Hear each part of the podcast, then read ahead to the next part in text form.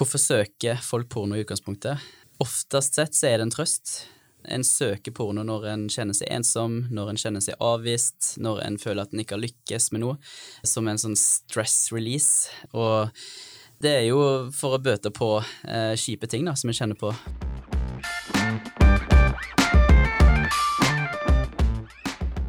Hjernen vår er nevroplastisk, altså den former seg i takt med hva du mater den. Og sånn enkelt sagt, da, fra en enkel mann, du går opp en sti i skogen.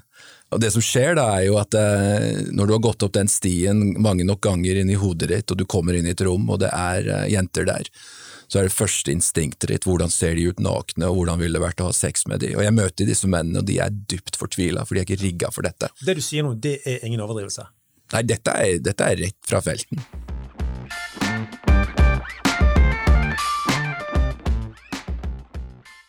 Men det er noe ekstraordinært når det kommer til seksualiteten vår, for den, den trenger en, en ekstraordinær beskyttelse, for den er sårbar.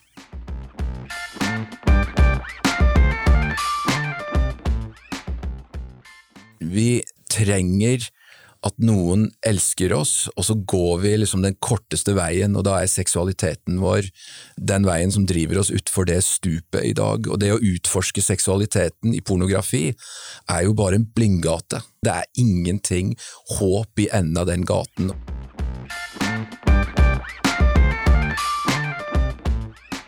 Vi trenger en annen historie om seksualiteten vår, og hvorfor eh, disse her kreftene i oss som drar oss uh, i den retningen, er, er, destruktive. For vi er ikke rigga for den type seksuell ecstasy som uh, pornoen er.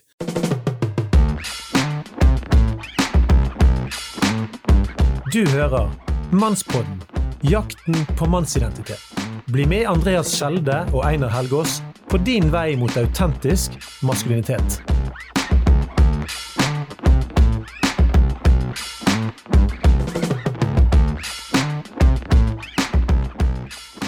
Hadde datteren min sagt at hun ville inn i pornobransjen, da hadde jeg hoppet foran et tog. Sagt av en kameramann i pornobransjen. Velkommen til Mannsboden, jakten på mannsidentitet. Din vert er som vanlig undertegnede Andrea Kjelde og mannsguide Einar, som suger seg fast som en igle. Altså, Du blir ikke kvitt meg så lett. Selvfølgelig, Hvis du bruker noe etsende syre, så kan du hende jeg slipper. jeg tror vi er best sammen, altså. Så hold on, hold on. Men det har ikke stått stille i Mannsbåndet i det siste, for vi har rett og slett vært på vårt første oppdrag til en annen by. Yes, det stemmer. Vi eh, ble invitert av de unge mennene på Støperiet i Trondheim. De tok sjansen på å invitere et par eh, poddebergensere på jakt etter mannsidentitet, og det var altså på et sted med Barte og Rosenborg-faktor. Det ble ikke bart på oss, da, men, eh, og det høres jo kanskje i utgangspunktet litt skummelt ut, men det ble rett og slett en svært god opplevelse av brorskap. Nettopp. Det var også det temaet vi hadde blitt enige om. Så vi hadde en halv dag da vi startet med å fyre inn på en rå mannegryte med kjøtt, før vi nettopp hadde undervisning om brorskap. Altså rett og slett betydningen av maskulint vennskap. Og Der var det en del sånne nydelige gruppesamtaler rundt dette. Ja, og Det som var mest fantastisk med det, var jo at det kom ut altså Folk ville starte mannsgrupper, og det, de ville etablere mentorrelasjoner. Så det var helt nydelig. Yes, og Vi lover jo våre lyttere at vi skal i gang med episoder om tematikken brorskap om ikke så lenge. Men jeg ble, kjente jeg ble veldig oppmuntret av å se hvordan gutter responderte. De ville ta disse behovene for ærlige, åpne og styrkende mannsrelasjoner på alvor. Så jeg er jo veldig overbevist om at det er en sånn livbøye alle menn trenger. Gode maskuline vennskap. Ja, og så var det jo heller ikke feil at vi avsluttet jo med å gå ut i skogen og brenne et bål mens vi hadde grillen mann. Du får ikke det bedre enn det, altså. Neida, vi fikk jo snakket om en del nydelige tema. og Det var en sterk dag, Andreas. Mer av dette. Men hva syns du vi skal snakke om i dag? Ja, altså Ut ifra sitatet vi startet med, så er det mye som tyder på at vi skal kaste oss inn i en temmelig juicy tematikk. Og dette her er en tematikk som er tabubelagt. Og for mange menn er den svært vanskelig. Og for kvinner òg og det er nemlig porno. Der sa du ordet, du sa ordet porno, og vi kunne vel ikke sagt at vi tok mannens eh, liv og hans eh, utfordringer helt på alvor hvis vi ikke snakket om dette. Vi lever jo en, eh, på en klode som er fryktelig digitalisert, og der tilgangen til porno da er veldig, veldig, veldig lett. Vi har mer enn nok statistikk som sier at menn er flere hestehoder foran kvinner i pornobruk. Skal det også sies at det finnes uenighet om dette. Noen mener jo porno er fint og helt ufarlig. Andre mener det rett og slett er destruktivt. Så det er jo et litt sånn fascinerende spenn der, Andreas. Det stemmer, men da er det tid for å introdusere våre strålegjester. Alexis Lund, velkommen tilbake til Mannsbåten. Tusen takk. Og Jan Øystese, du er new guy on the block. Velkommen i studio. Mange takk. Og Alexis, synes du det er viktig at vi snakker seriøst om porno i Mannsbåten? Det syns jeg er ufattelig viktig. At vi snakker seriøst om eh, denne tematikken, som er krevende. Hva er kortversjonen Alexis, av hvorfor du mener vi trenger å snakke om dette? Altså, Hvis du klarer å kjøre litt sånn eh, one-liner på dette. Da. Vi trenger en annen historie om seksualiteten vår, og hvorfor eh, disse her kreftene i oss som drar oss i den retningen, er, er destruktive. Så det, det trenger vi. Og Gjermund, helt kort, hvorfor mener du vi trenger å belyse denne tematikken? For er det egentlig så farlig å se noen nakne kropper svinge seg på skjermen? Ja, det kan du spørre om. Du, eh, jeg har snakka med nok folk eh, i alle aldre eh, til at dette her er noe som vi ikke skal snakke om. Tvert imot så må vi snakke om det, for jeg ser og hører hvordan det her påvirker folk eh, de daglige på så mange forskjellige nivåer, eh, så vi må ta denne praten. Og før vi kjører spalten Fem fra hoften, så er det fint om dere kan introdusere dere sjøl. Så Alexis, litt kort om deg. Mann, 50 år. Litt sånn mistroisk til myndighetene. er du der? Jeg har hatt pickup truck. Hører på countrymusikk. Bodde i USA som håndverker, så da passer jeg jo inn i en rimelig skummel profil. Men bortsett fra det så er jeg gift. Uh, fire barn. Uh, to svigerbarn, snart et nytt svigerbarn. Og er uh, veldig glad i å være ute og brenne bål, som dere prata om. Men hei, dere grill en mann? Altså Var det en mann på dette bålet? Det var jo mitt spørsmål. Dårlig lukt. Vi ble svidd i kantene, da. Det var liksom ikke sånn midt i, men vi ble litt svidd. Litt sånn lett marshmallows? Ja, ja. Nei, men bra. Det er litt sånn kortere trekk meg. Du snakker om en litt farlig profil. Er det mannsboden du snakker om at vi har en litt sånn farlig profil, og så passer du inn med alt det du forteller om nå? Ja, det er mulig, men det er jo enda skumlere greier hvis jeg liksom går litt inn i det jeg nettopp sa, og hva ting jeg faktisk er og liker, så, så passer jeg inn i en rimelig skummel eh, mann. Ja, som, eh, men um, jeg er nok ikke det. Jeg er nok ikke så skummel. Gjermund, kanskje du òg presenterer deg? Ja. Jeg er 34, jobber som kommunikasjonsrådgiver i noe som heter Norges kristne råd. Det er en paraplyorganisasjon for 24 forskjellige kirkesamfunn. Paraplyorganisasjon, så du har dere kontor i Bergen? Jeg driver og pendler da mellom Bergen og Oslo. Eh, for øvrig så holder jeg på å gjøre ferdig en mastergrad i praktisk teologi og ledelse ved NLA. Så jeg driver og skriver om konflikthåndtering i menighet. Ja, spennende. Men da, da, da, kjører vi på her. Altså, Alexis, ofte når jeg vil ha kontakt med deg, da befinner du deg oppunder en hammer langt opp til fjells uten dekning, på jakt etter rype og hjort. To spørsmål. Hvorfor liker du jakt, og har det overhodet noe med maskulinitet å gjøre? Oi, godt spørsmål. Ja. Det er ikke lang tid, faktisk, så du må faktisk være konsis. Konsis? Ja, jeg liker jo å utforske. Eh, jeg liker å legge jorda under meg, og så er jeg glad i kjøtt. Kjøtt! Så, så, det har noe med maskulinitet å gjøre, og så er det herlig avkobling, da. Ja. Jeg pleier ikke å svare når jeg får meldinger når jeg er på fjellet. Da. Det er derfor det tar litt tid. Gjermund, du er jo en fascinerende hengitt eventyrer med tidenes travel bug. Hva er det som gjør at du har brukt så mye ditt liv på å besøke utrolige 100 land? 120 land. 120?! Mm -hmm. Er det der du er? Oh, yeah. Du har søren ikke gitt deg. Men uh, du har fått et spørsmål. Ja, du, eh, jeg tror det, det, begynte bare for meg eh, når jeg var i India første gang som 19-åring. Eh, kjente at det å være der og, og møte de folkene i den kulturen som var så totalt annerledes fra det jeg lever i sjøl i hverdagen, det gjorde noe med meg. Eh, og det skapte nok en eventyrlyst i meg som ikke har akkurat uh, eh, slutta. Um, det er nok en drive, har jeg, har jeg uh, funnet ut av, en, en, et ønske om å forstå verden. Forstå hvordan ting henger sammen. Uh, nysgjerrighet på mennesker, nysgjerrighet på kultur. Uh, og selvfølgelig òg uh, så er jeg lidenskapelig opptatt av fotografi, så det òg driver meg. og misjonsturer og ja, sånne ting som det å bringe Jesus til folk, da en fin bukett med grunner. Men Gjermund, fortell kort om en av de aller råeste opplevelsene du har hatt når onkel Reisende Gjermund har utfordret skjebnen utenlands og fått smake konsekvensen av det. Ja. Eh, åh, ja, hvor, hvor skal vi begynne, da? Du har Eh, opplevd så sinnssykt mye at det raser vel gjennom kontinenter i hodet ditt og land og eh, ting som du har vært borti. det, det har vært mange forskjellige opplevelser der, selvfølgelig. Um, blei har, Ja, jeg har stått fast i snøstorm i Mongolia. Um, I Mongolia, ja. like godt. Jeg eh, har eh, holdt på å bli skutt ned på grensen mellom Kosovo og Serbia. Eh, måtte gå gjennom eh, gå, Ja, krysse grensen til Moldova eh, midt på natta.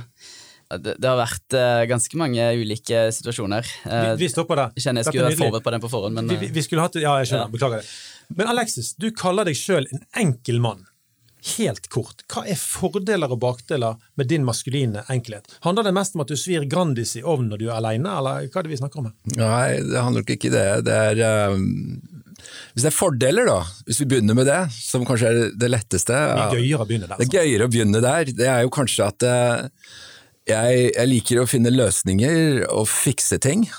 Og jeg tar innover meg nok at eh, verden kanskje ikke er eh, passer helt for meg alltid, og det lever jeg greit med, og det aksepterer jeg. Det som kanskje kan være utfordrende, er jo at jeg av og til kan slite å henge med på ting. Um, jeg er ikke sånn kjempeskolert.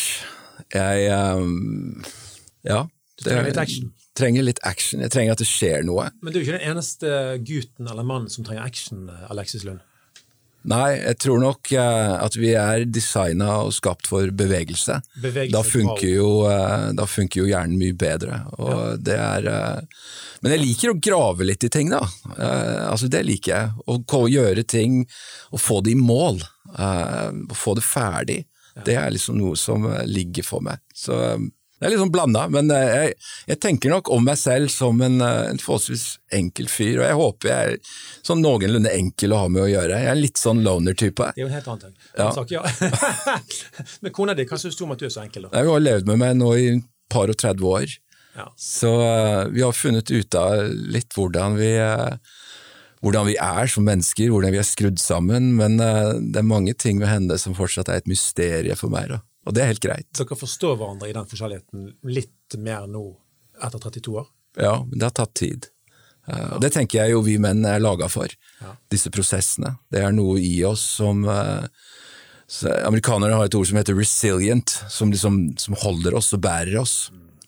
Det er nok noe i vår kultur hvor vi er liksom veldig opptatt av fast food og quick fix, og eh, det blir jo et lett hopp over til pornoen, bare liksom å fikse noe og få liksom en, en utløsning og en avløsning på disse, dette drivet vår. Som, eh, ja, hva, er det norske ordet for resilience? Ikke en motstandskraft? jo, det er det. Motstandsdyktighet. Motstandsdyktighet, ja. Ja, nydelig.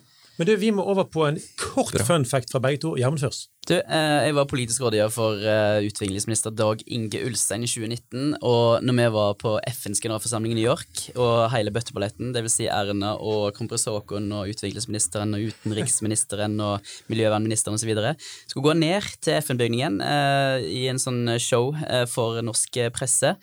Så gikk unge Øyste seg foran, rygga, skulle ta bilder sjøl med kamera, for det var en av oppgavene mine. Snubla da i sånn der, et sånn gjerde som lå lavt på bakken, eh, og gikk på trynet med hodet først. Slo hull i begge knærne mine, ødela dressen min. Og alle, VG, TV 2, NRK eh, og selvfølgelig eh, politikerne stoppa jo helt opp. Det er én gang i livet jeg skulle ønske jeg kunne synke ned i bakken, så var det da. Det er det flaueste jeg har opplevd. Fredrik Gressvik fra TV 2 kommer bort til meg i krigsmodus og bare 'Går det bra med deg? Du blør fra hodet. Du, du har ødelagt knærne dine. Du må inn på hotellet og må bare hvile hele dagen'. ok, såpass, ja. Og det var jo den dagen Donald Trump skulle tale i generalforsamlingen, så det var jo en dag som en helst ikke ville gå glipp av, da. Um, så ja. Gikk du blødende inn der og fikk høre Trump? Du, jeg hadde Jeg fikk plaster på, eh, på, eh, på pannen. Så ut som jeg hadde vært i krigen sjøl. Ganske vilt. Alexis? Du, jeg vet ikke jeg klarer å, Du må øppe dette. å uppe dette, for dette var Jeg fikk et sånn- hjerte for Gjermund Ja, Øystese her. Men her må, jeg, må, jeg, må, jeg må skyte inn, beklager. For jeg, jeg møtte kronprinsen senere på dagen, eh, og så spurte han om det gikk bra med meg. Og så sa jeg ja, jeg tror det gikk bra, jeg tror ikke jeg fikk noen hjernerystelse. og Sånn. Og så begynte han å le, da. Eh, så sa han du, eh, ja det er godt det går bra med deg, men det var ikke akkurat noe Karsten Warholm over det du gjorde der borte. Det, det var jo en nydelig krumpekommentar. Ok, men Da plukker jeg opp tråden på kronprinsen. Jeg holdt et foredrag en gang. i et, en sånn forretningsidé som jeg hadde sammen med noen andre karer, som var litt sånn spennende, og så klarte vi å få kronprinsen på eh, besøk da, for å høre på denne fantastiske ideen. Men um, da skulle jeg, og jeg fikk masse tid, og jeg jobber jo med formidling, det er liksom jobben min, men han sovna. Så det var skikkelig sorgens greier. Så, så det var, jeg bare kom på, jeg tok den, jeg. Han satt og duppa. Ok, Ikke bra. Men du, eh, dere har jo fått noen ekstra minutter med fame når dere fikk prate med selveste Thomas Heltzer i hans første episode i en ny podkast. Eh, det var jo òg om porno, så bare la oss eh, begynne å lugge litt lett i den. Hvordan var det å snakke om et sånt eh, juicy tema med han, og liksom ut i en sånn type offentlig eh, podkaststemning? Det var veldig greit. Det var det, ja? Ja, det var veldig greit. Det var en bra stemning, det var god prat i forkant. Veldig god prat i etterkant. Og jeg opplever jo at både, både Gjermund eh, og jeg fikk fram eh, det vi ønskte, og syns vi virkelig fikk rommet. Og han var raus, altså. Han var skikkelig raus. Han ble overrumpla over hva som kom. Han trodde det kom noe annet. Uh, Det var litt gøy, kanskje? Ja, det var gøy, og det var spennende, og det var nydelig. For det var jo en ung kvinne i det rommet som hadde en sårbar og en vanskelig historie knytta til livet sitt. Og det skein igjennom ut ifra hva hun sa. Ja. Og vi, vi måtte på alle måter trø litt varsomt og litt forsiktig innsteg inn. Så vi starta med å bekrefte at vi mennesker er elsket, ønsket og villet Ja. av en god skaper. Altså, det der er jo et eh, godt budskap. Og det gjorde noe i rommet. Det trenger jo eh, folk å høre. Ja. Så bra, da. Godt jobba. Det, folk hører på den òg. Det, det er godsaker. Men til slutt, eh, før vi skal kaste oss litt sånn skikkelig inn i materien her, eh, Andreas sitter her og forbereder seg vilt. Håper du er klar nå om et par minutter. Men Nei, eh, det har jo vært rimelig kaotisk i byrådet i Bergen eh, over tid. Det er jo vanskelig for meg som bergenser å forstå hva som gjør det så sinnssykt vanskelig å styre en så intenst vakker by med et så friskt folkeslag. Men likevel. Jeg har hørt at prosessene med å skille byen mellom de sju fjell ut som eget land går rett og slett på skinner, akkurat som Bybanen. Eh, Og før vi danner vårt eget kongerike, eh, der f.eks. Helge Jordal kunne vært konge, det er mitt forslag, så prøver vi altså å spre vår særegne dialekt. Vi skal først teste deg, Alexis. Du har jo kanskje ikke bodd i Bergen, har du det? Så jeg har en mor fra Åsane. Oi, det kan være litt Så, ødeleggende. så jeg har noe kunnskap om denne byen, men ikke inngående. Jeg syns det er noe intenst. Hæ? Noe Bergensere, ja, ja, ja. De lager mye, mye greier rundt seg. Jeg, jeg, Jeg sto på flytoget her om dagen, og det sto en bergenser helt oppi fjeset på meg. Det var nok, altså. Ja, jeg har ikke spurt deg om å kommentere det nå. Nei, nei, men eh, vi snakker jo rett fra hofta her. Ja, dette på var så, så Mannspodden. voldsomt. Selvskryt.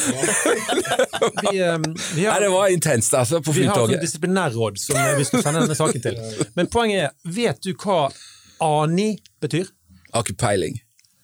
Ani? Ja, altså å komme ANI. Å, jeg kom borti! Eh, ja, riktig. Så da jeg var liten gutt eh, på ungdomsskolen, så spilte jeg mye én gang ANI. Sånn fotballgreie. sant? Så det var, det var snacksy. Ja, men du har jo bodd der en del år. Du kommer fra Sauda. Født i Bergen. Ja, det var jo sant, ja! Hallo. Dette blir kanskje for enkelt. Men hva betyr banneren?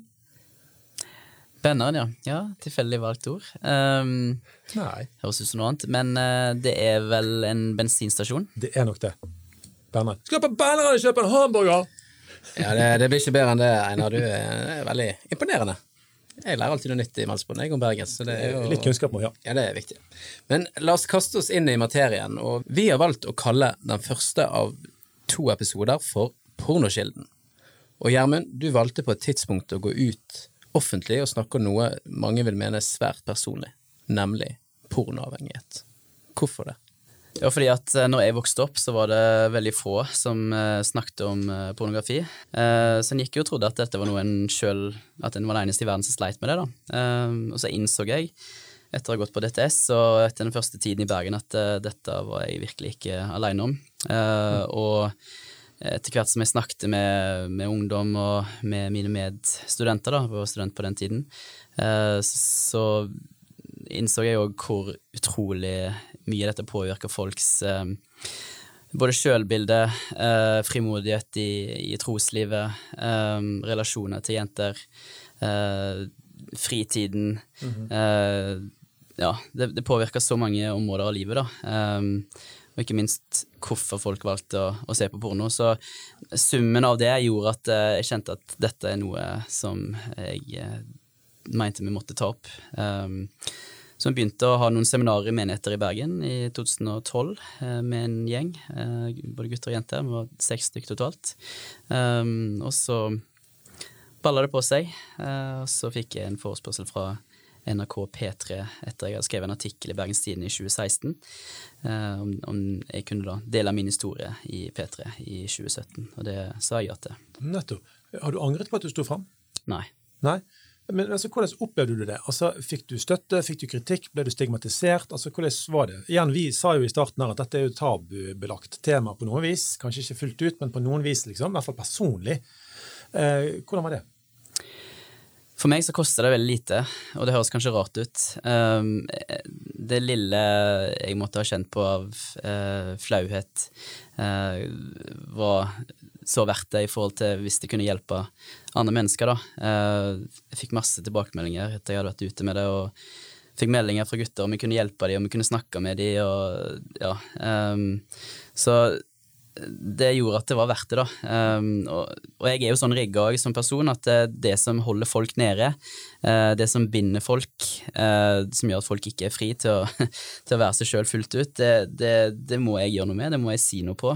Um, jeg klarer ikke stå og se på at det skjer. Er det noe med din rettferdighetssans og at, at, at, at ting må være riktig og bra for folk? Liksom, er det et eller annet i deg som driver deg da, til å hjelpe andre når du sjøl opplevde at det var en utfordring for deg sjøl? Ja, helt klart. Og selvfølgelig, jo mer en satte seg inn i tematikken, jo mer så en jo hvor utrolig mye det påvirker vårt samfunn. da. Eh, og at det er mennesker på andre siden av skjermen som en òg påvirker når en ser på, på porno. Utrolig trist. Jeg har lyst til å si litt sånn takk, Andreas, mm. Eh, til ja, deg, Gjermund, at du gjorde det.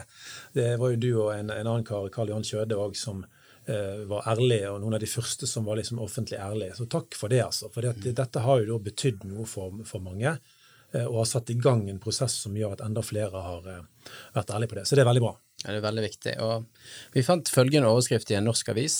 Norske gutter ser mest porno i hele Europa. Nå frykter eksperter at utviklingen kan føre til at flere kjøper sex. Gjermund, dette er nok ikke det enkleste spørsmålet, men hva kan du si når vi spør? Hva tenker du er kilden til, det, til menns høye forbruk av porno? Hm. Da kan jeg bare snakke for min egen del, men selvfølgelig også ut ifra det jeg har hørt gjennom samtalene. Ekko av det. Mm. Hvorfor søker folk porno i utgangspunktet? Um, oftest sett så er det en trøst. Uh, en søker porno når en kjenner seg ensom, når en kjenner seg avvist, når en føler at en ikke har lykkes med noe, uh, som en sånn stress release. Uh, og ja, det, det, er jo for å bøte på kjipe ting da, som en kjenner på, for å si det litt enkelt. og det, det blir jo bare selvforsterkende når en da begynner å, å se på det.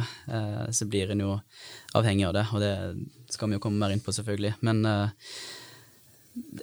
Menn ser på porno som en virkelighetsflukt uh, og som en trøst. Uh, og det er virkelig ikke en kilde en bør gå til. Men uh, ja, jeg, jeg, skjønner den, men samtidig når vi snakker om seksualiteten vår sant? En ting er at det, det, er mange ting som kan trøste. En prat med bestemor kan jo være en trøst. sant?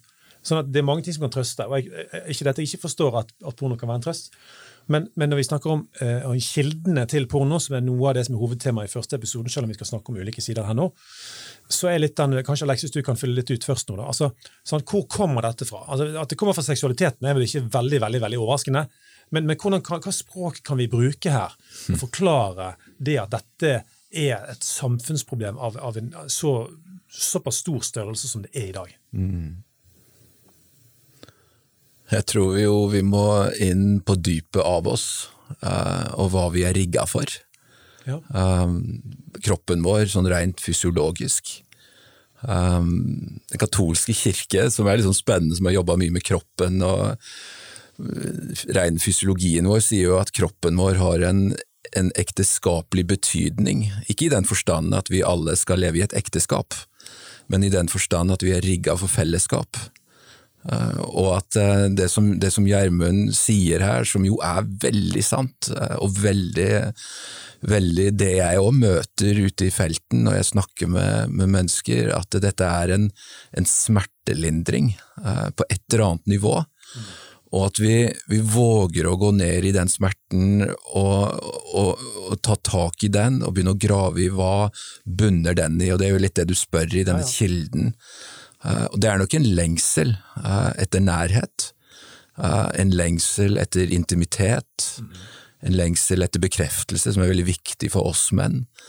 Og ut ifra hva jeg tror, da, som, som troende, så er det jo kvinnen som svarte på det spørsmålet.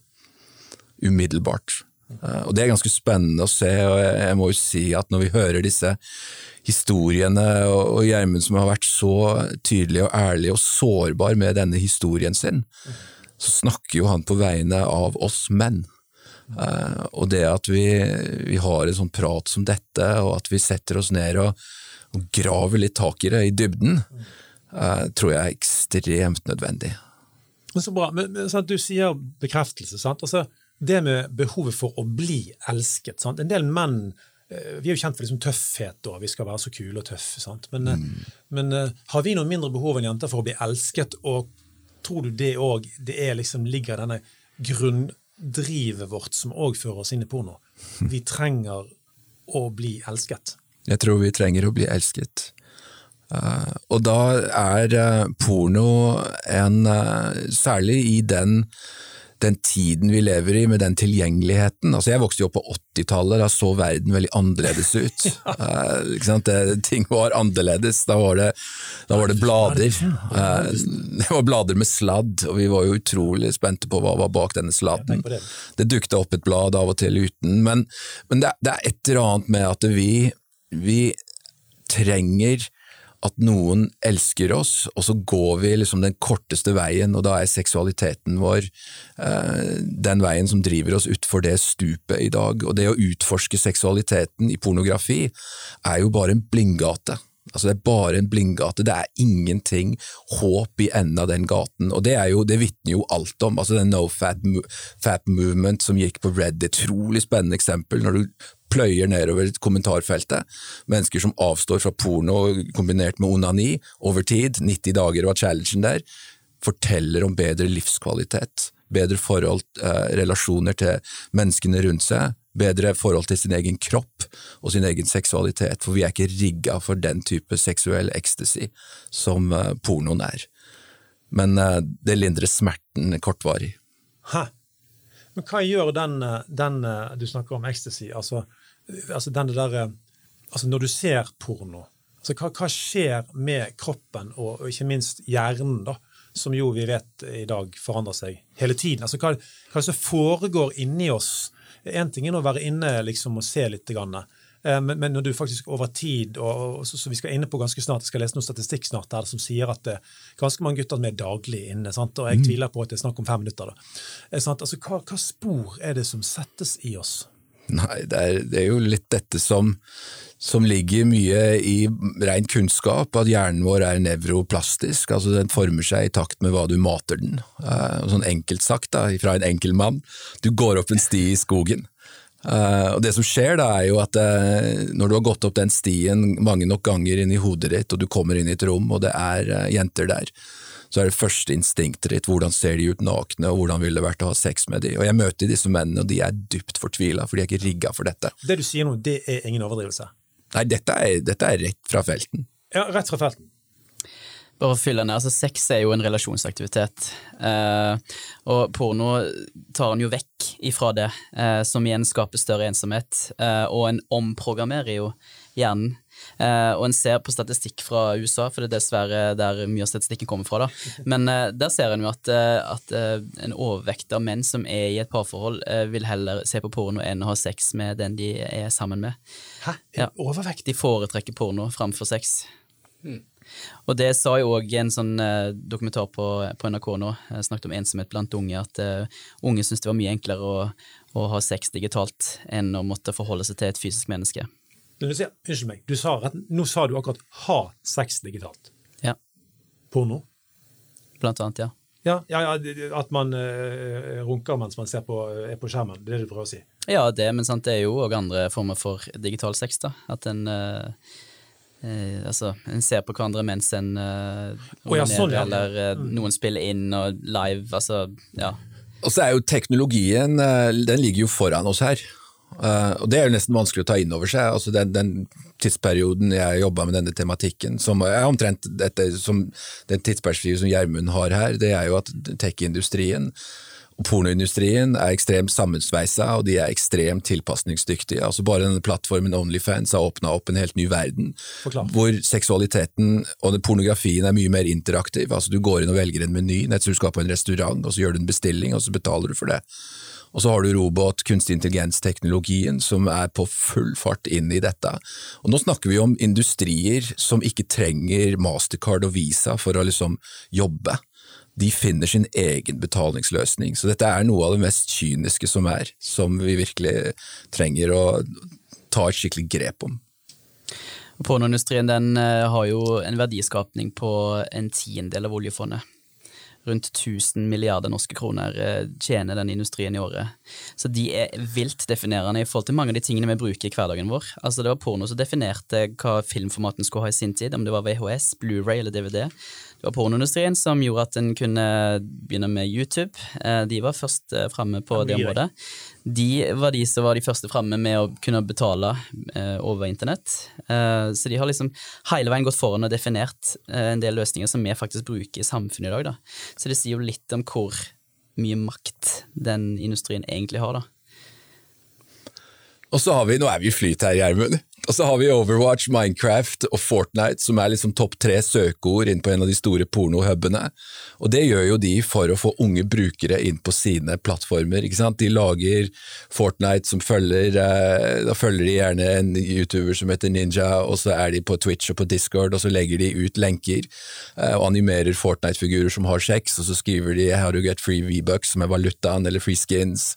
Og så har du niåringen da som vil ha free skins, og fortsatt tenker i sin uskyldighet at det er noe i verden som faktisk er gratis, og så er de inn på hardcore porn. Og Det er liksom, det er virkeligheten som er der ute i, i barneskole og i ungdomsmiljøer, og det er det vi må ta inn over oss.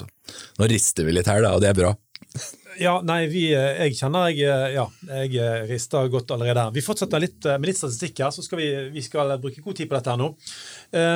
Eh, men eh, la oss se litt på dette med ungdom. Det er jo helt vanlig å se porno blant ungdom, særlig blant guttene. Og det materialet jeg har sett på eh, nå, gir meg en feeling av at gutter i ganske stor grad er jevne forbrukere, mens jentene er litt mindre på det og tester det gjerne ut fordi det er, det er spennende, og sånt, men at færre av de blir jevne forbrukere, sånn daglig forbruk, nærmest. da.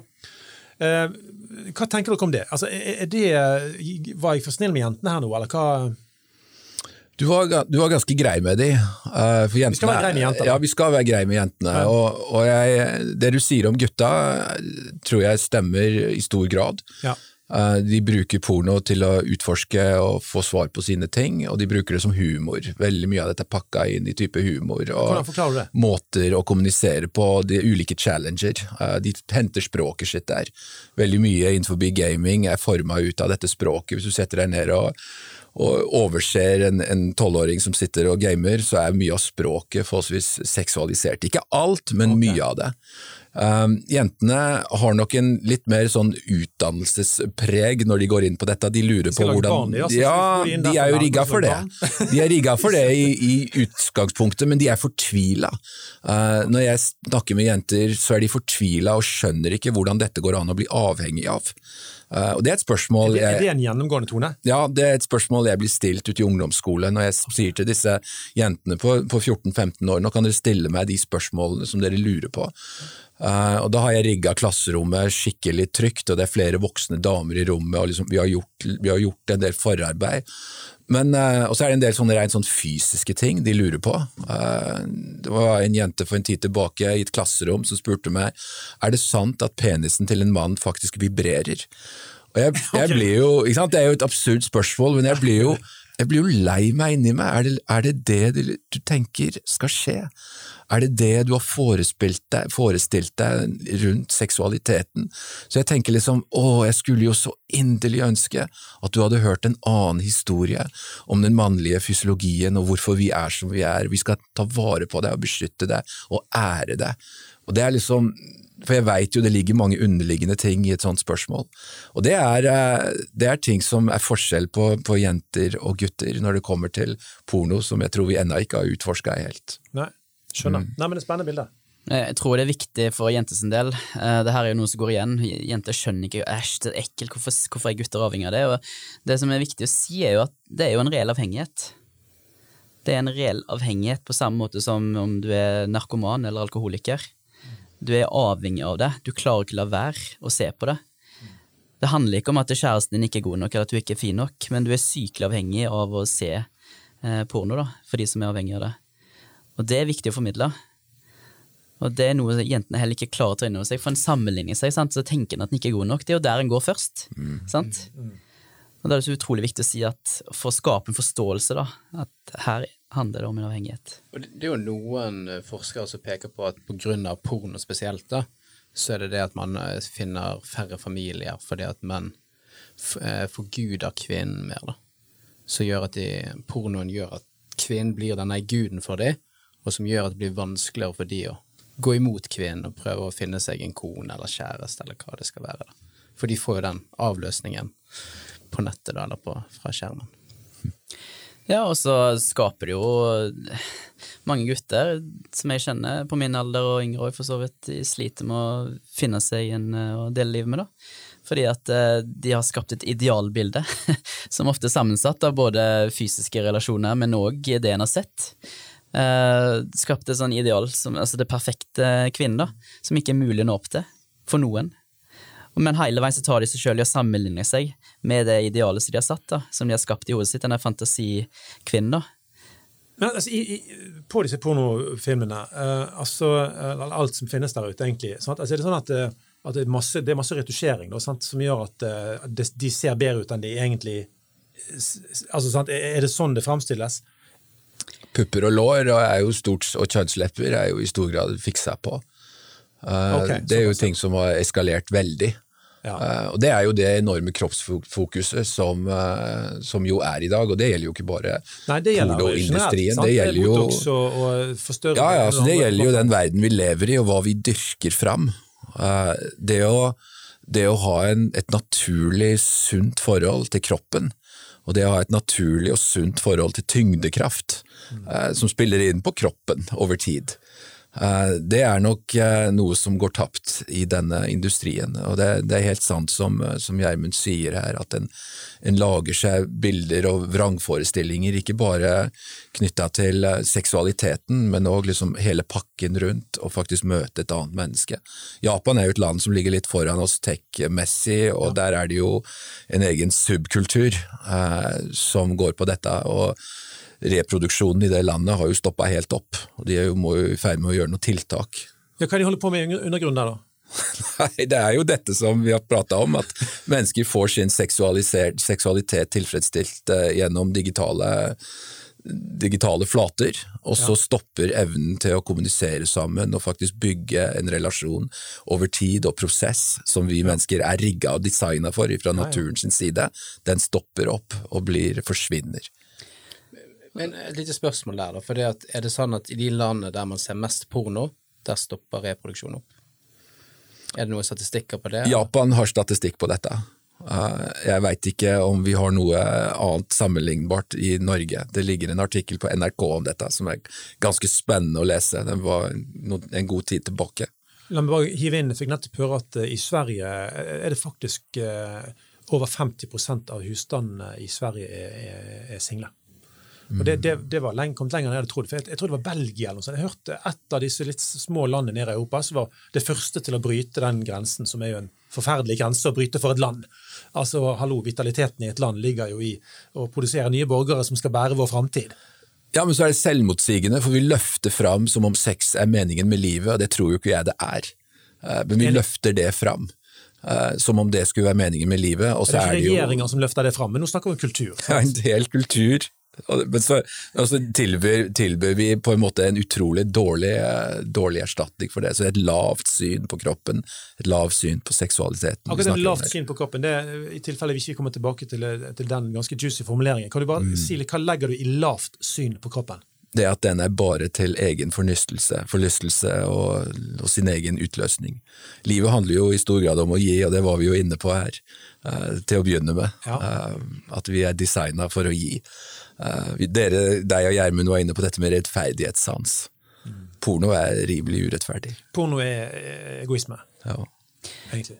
Jeg syns jo det faktum at uh, salget av sexdukker har eksplodert gjennom covid-pandemien, og, og eh, altså, kombinert med at uh, det som du sagt, den dokumentaren jeg så i stad, at uh, ensomhet, og at en velger digitale framfor det fysiske, da. Så det, det har skjedd noe her i, i det overordna bildet, da, som ikke jeg tror er bra for menneskeheten. Eh, og eh, ja, vi kommer sikkert inn på det her senere, men det at dukker og i større større grad blir designa som eh, yngre og yngre, da, som barn, sant. Det, altså det, det er mye her som Det er, ristes litt på noen hoder er her pill, det bare si. pillråttent. Altså, vi kan sitte her og, og prate om eh, og, og på en måte legge ut Jeg kommer på en annen eksempel her. Vi snakker litt om forskjell på, på kvinner og menn.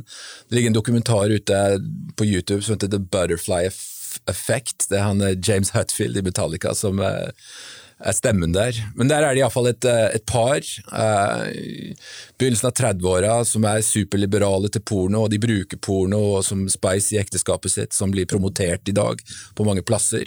Og så er det et lite punkt i liksom intervjuet med de hvor det går opp for henne at mannen i dette tilfellet da, setter seg inn i situasjonen hvor han har sex med disse skuespillerne. Og da kommer forskjellen på disse to, disse to menneskene da, som angivelig elsker hverandre og har gitt seg til hverandre, men som speiser opp tilværelsen med å se på andre ha sex. Da kommer det for en dag at hun føler seg bedratt, og det er så hjerteskjærende å se ansiktsuttrykket hennes, og da, da, liksom, da skjønner du virkelig dybden i skaden dette gjør da, mellom de to.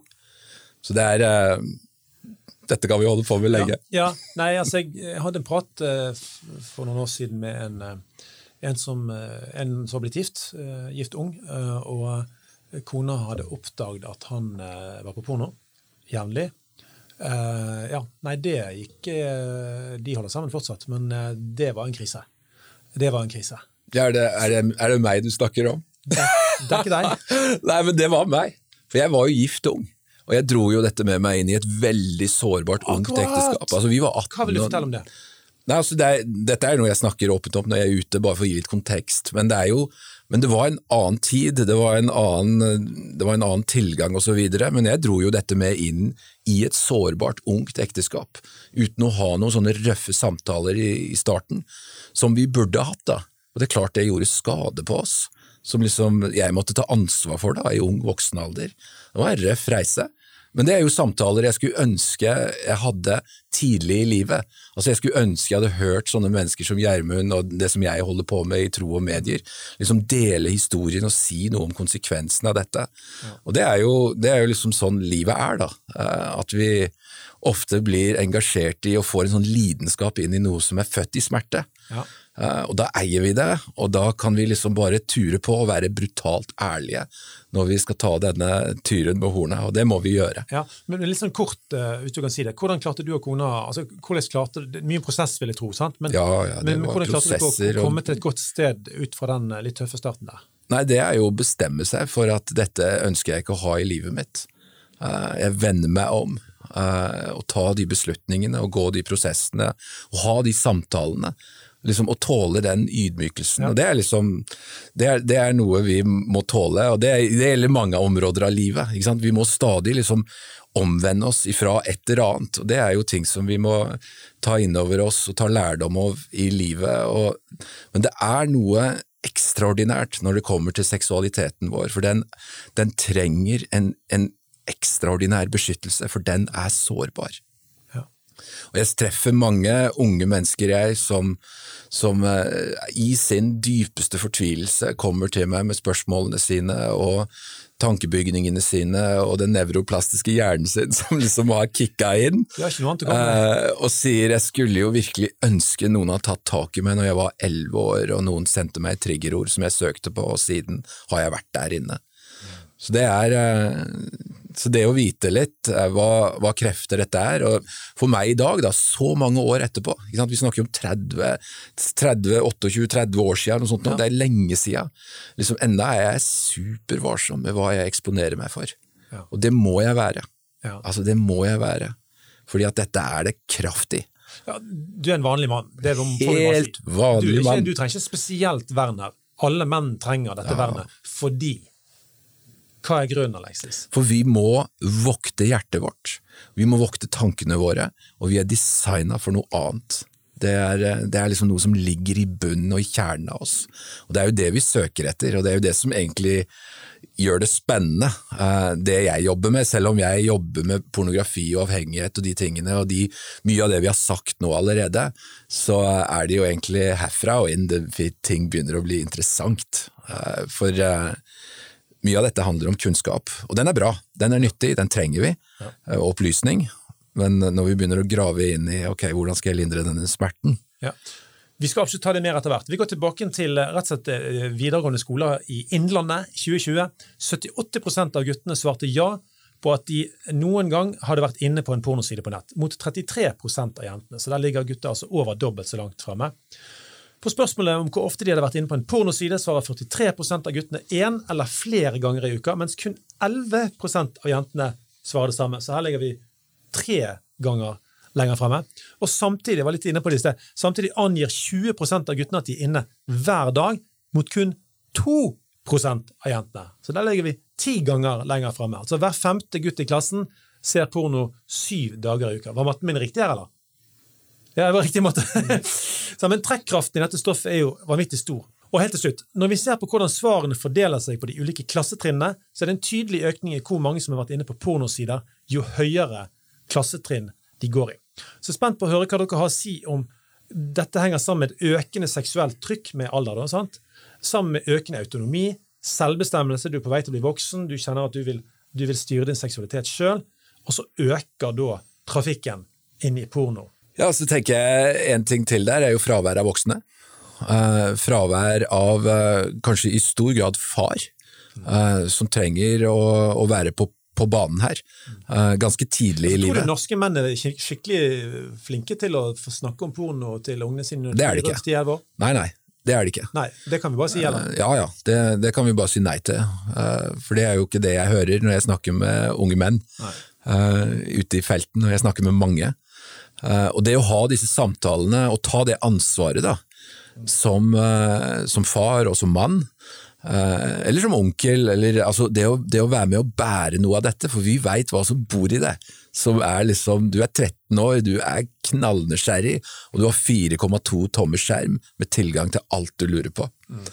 Og det å, det, det å være liksom på, på, banen der, og vite hvordan det funker i barneskolen eh, Jeg har oppdratt sønner, og jeg veit jo hvordan dette funker, og veit jo at de samtalene, de må vi ha. Og det å gi dem mulighet til å oppleve mestring, eh, det å gi dem muligheter til å oppleve utforskning og spenning på andre områder av livet, og dette er jo dere i Mannspodden eh, prata mye om. Det er, og der, Om det gjelder å kjøpe breie ski til de, eller klatretau, eller om det gjelder å kjøpe tegneblokker og, og ting de kan liksom male, eller hva det nå skal være, Lego. gir de en sjanse! Gir de en sjanse til å faktisk uh, utforske noe over tid, sånn at ikke denne seksualiteten liksom drar de rett utfor stupet. Så det er, um, ja. Ja, bare sånn kjapt siden du nevner det, altså denne ridderklubben som, som jeg var med å, drive noen år, det var jo for gutter fra 9 til 12 eh, år. Litt gøy å si dette siden den begynner å spre seg til flere steder i landet nå, så det er veldig kjekt. Eh, det var det at vi hadde om porno og seksualitet når de var ja, når de var 9-12 år. Og Da hadde vi undervisning om det og snakket om det. De syntes det var kleint, sant? Men, men, de fikk det, og de fikk, de, de fikk, eh, sin første Det var ikke ti minutters prat, det var, det var en god prat om disse tingene. Og det tenker jeg det, Man må bare gjøre det. Eh, For dette her er jo så svære ting, og det har så stor trekkraft inn i noe som blir usunt. Så, eh, men, men, jeg lurte på, det, på, på deg, Gjermund, når det gjelder statistikker. Altså, nå har jeg akkurat nevnt litt statistikk som forteller oss litt hvor gutter ligger i forhold til jentene, mm. og at det øker med alderen som ung. Eh, hva statistikker legger du til grunn når du snakker om disse tingene? Hva syns du er, er, er, er ja, statistikker som, som hjelper oss til å forstå hvor vi er? Det jeg syns er hjerteskjærende, uh, det er statistikken som går på uh, det som handler om barneporno. For det, Barneporno er den raskest voksende sjangeren i forbi pornouniverset. Uh, det er, det er, tagger og titler på filmer som spiller stadig mer på, på de tingene der. Det spiller på incest, det spiller på far-datter-relasjon, mor-sønn-relasjon. helt oppskøende ting, eh, men det er fordi pornobransjen hele veien skal gå foran og, og på en måte pirre oss på det som er forbudt. Og det er der de òg tar oss litt. Eh, for de vet at det treffer, de vet at det vekker nysgjerrighet. Eh, og så har en statistikk da fra USA for eksempel, som har sett en økning på 2500 i arrestasjonene de siste ti årene, som går på besettelse av, eh, av barneporno. Det er at en har et eller annet materiale på mobil eller data osv. Eh, I England eksploderte det gjennom koronatiden. Og, og jeg kan bare gå videre og videre på den statistikken. Og jeg, jeg syns det er det er hemskt, eh, og det kulminerer jo i det faktum at pornobransjen har en lobbyorganisasjon som jobber på vegne av alle bransjefolk, som heter Free Speech Coalition. Altså Ytringsfrihetskoalisjonen. Så det er navnet for Du må, du må nesten si det en gang til. Den, Ja. det navn, de har det navnet, og de jobber for porno. Pornobransjens egen lobbyorganisasjon som jobber for arbeiderne og alle som produserer porno, de kaller seg for Free Speech Coalition. Og de har ved flere anledninger utfordra et grunnlovstillegg i den amerikanske grunnloven som sier at alle pornoskuespillere skal være over 18 år. Den bransjen, den lobbyorganisasjonen, ønsker å få fjerna det lovtillegget. Og i praksis, hvis de får det fjerna, så er alt lov. Og da vet pornobransjen at da får de solgt enda mer. For da er, liksom, da er alt av tabu lov. Så i ytringsfrihetens navn så sier de at «Oi, men det er diskriminerende for de som liker den type porno, at det er 18-årsgrense. Og de utfordrer stadig da i ulike rettssaker i, i USA da, på akkurat det. Men er det ingen som klarer å gjennomskue dette spillet deres og, og klarer å stoppe de, eller er denne ytringsfrihetsvinkelen deres Gir den de den inngangen som de vil ha? Det virker som de bruker den inngangen til de grader, da. Eh, Og nærmest eh, spille disse her terminologiene opp mot hverandre, da. For hvem kan vel si nei til ytringsfrihet, og hvem vil vel være diskriminerende i dagens samfunn? sant? Altså De bruker jo sånn politisk korrekte termer da, Ja. i, i, eh, i det å utfordre rettssystemet på dette. De er iallfall smarte, tror jeg vi kan si. Og, men ut ifra dette her, det er jo helt Ja, det er helt forferdelig å høre. Barneporno, det burde jo aldri Det må aldri bli lov. Men hva er det som gjør at denne her eh, pornoen er så intenst spennende for mange menn spesielt? Hva er det som gjør at det er så spennende? Du har vært litt inne på det her med at det er kanskje det forbudte. Altså det er forbudt, og så er det noe du ser på, da. Så menn, og det har jo Alexis vært inne på allerede, men vi er jo, vi er jo skapt til å være, eh, være tiltrukne av, av den nakne kvinne.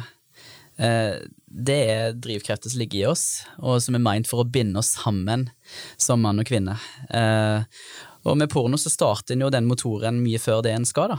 Eh, en begynner på en, på en starter med motor, ja, som, som er meint å holde mann og kvinne sammen resten av livet. Og når du først har starta den motoren, så er det liksom Da er det ingen vei tilbake. Så har vi snakket om avhengighet, vi har snakket om hvordan pornografi skaper avhengighet, hva mekanismen som ligger i det, at det er en programmering av hjernen vår.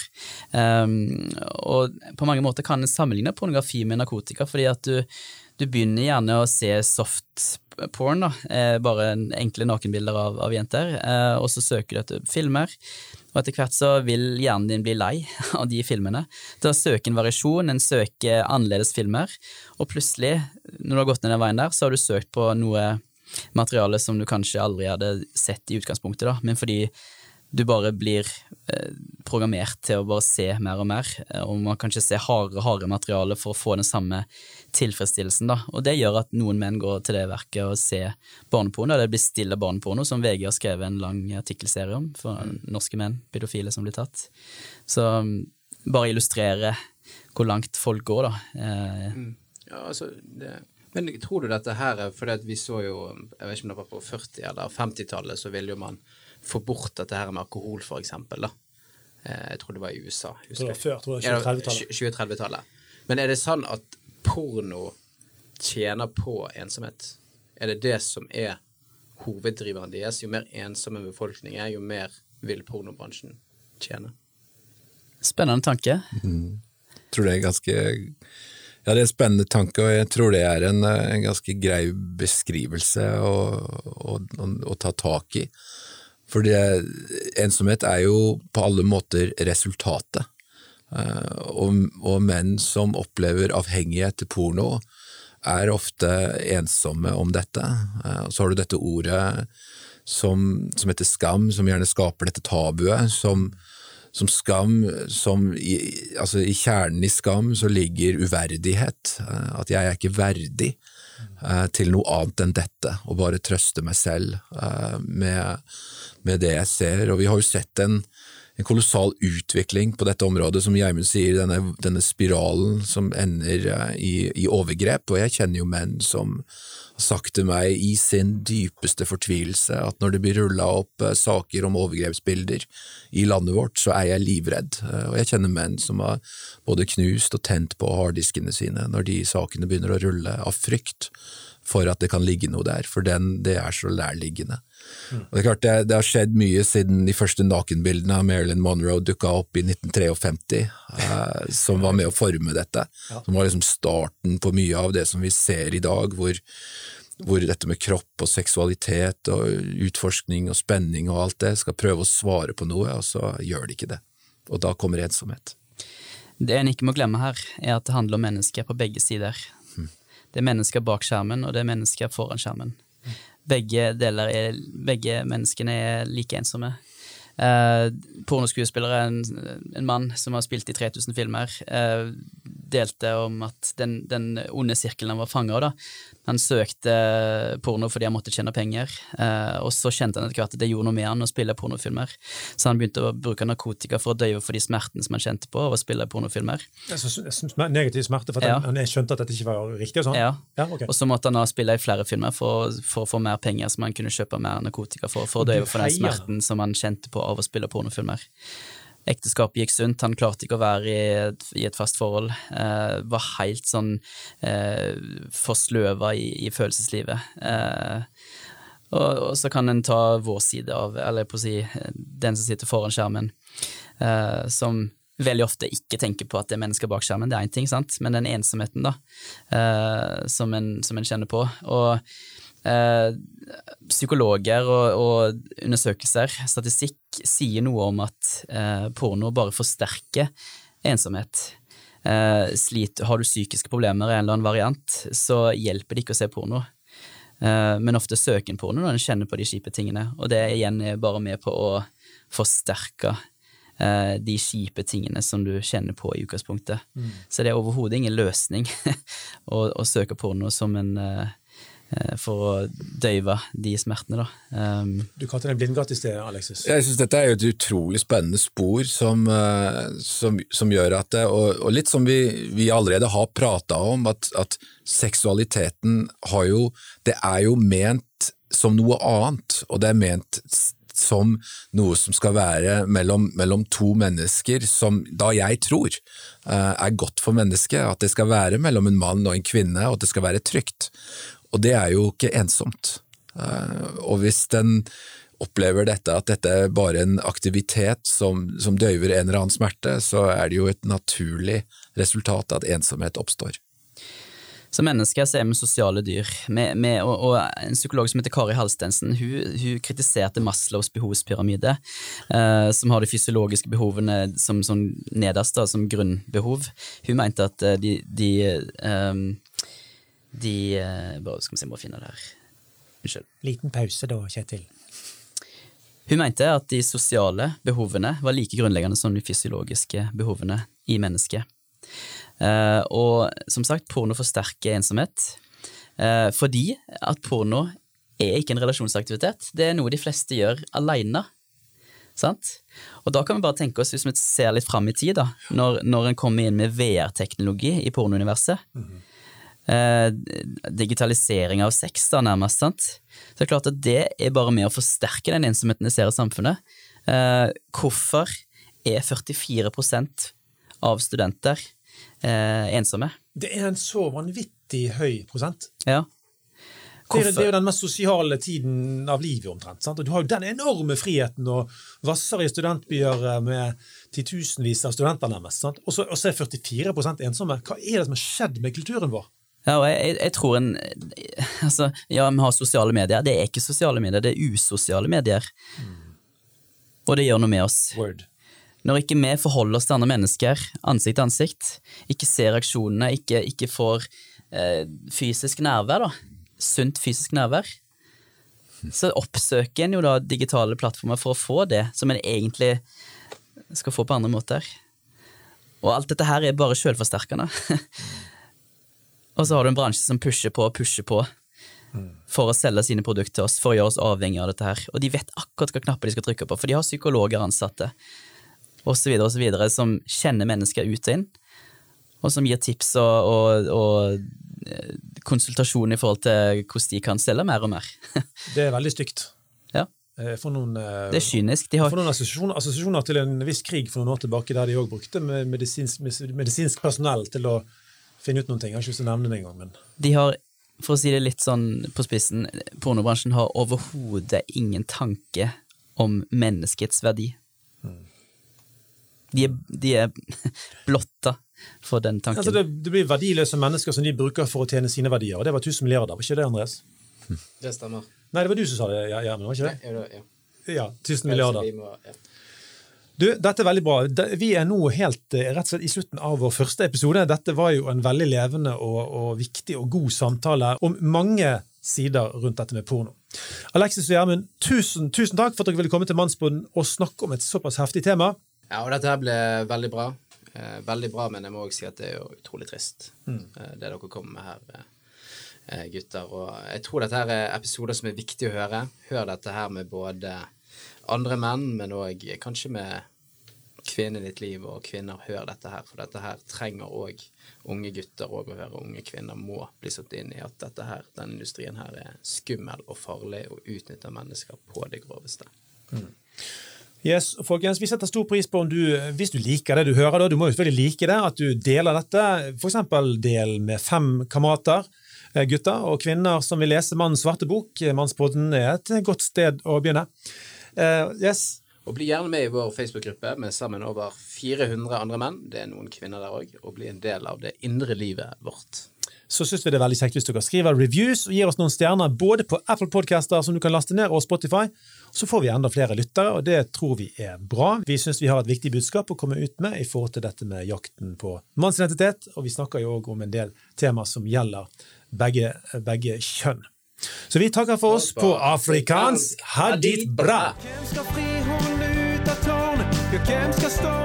Mens du venter på neste episode, del gjerne mannsbåden med fem andre menn, så de kan koble seg på jakten på mannsidentitet i en kjønnsnøytral tid. Hvis du ønsker å lære enda mer om denne tematikken, følg mannsbåden på sosiale medier. Vi snakkes.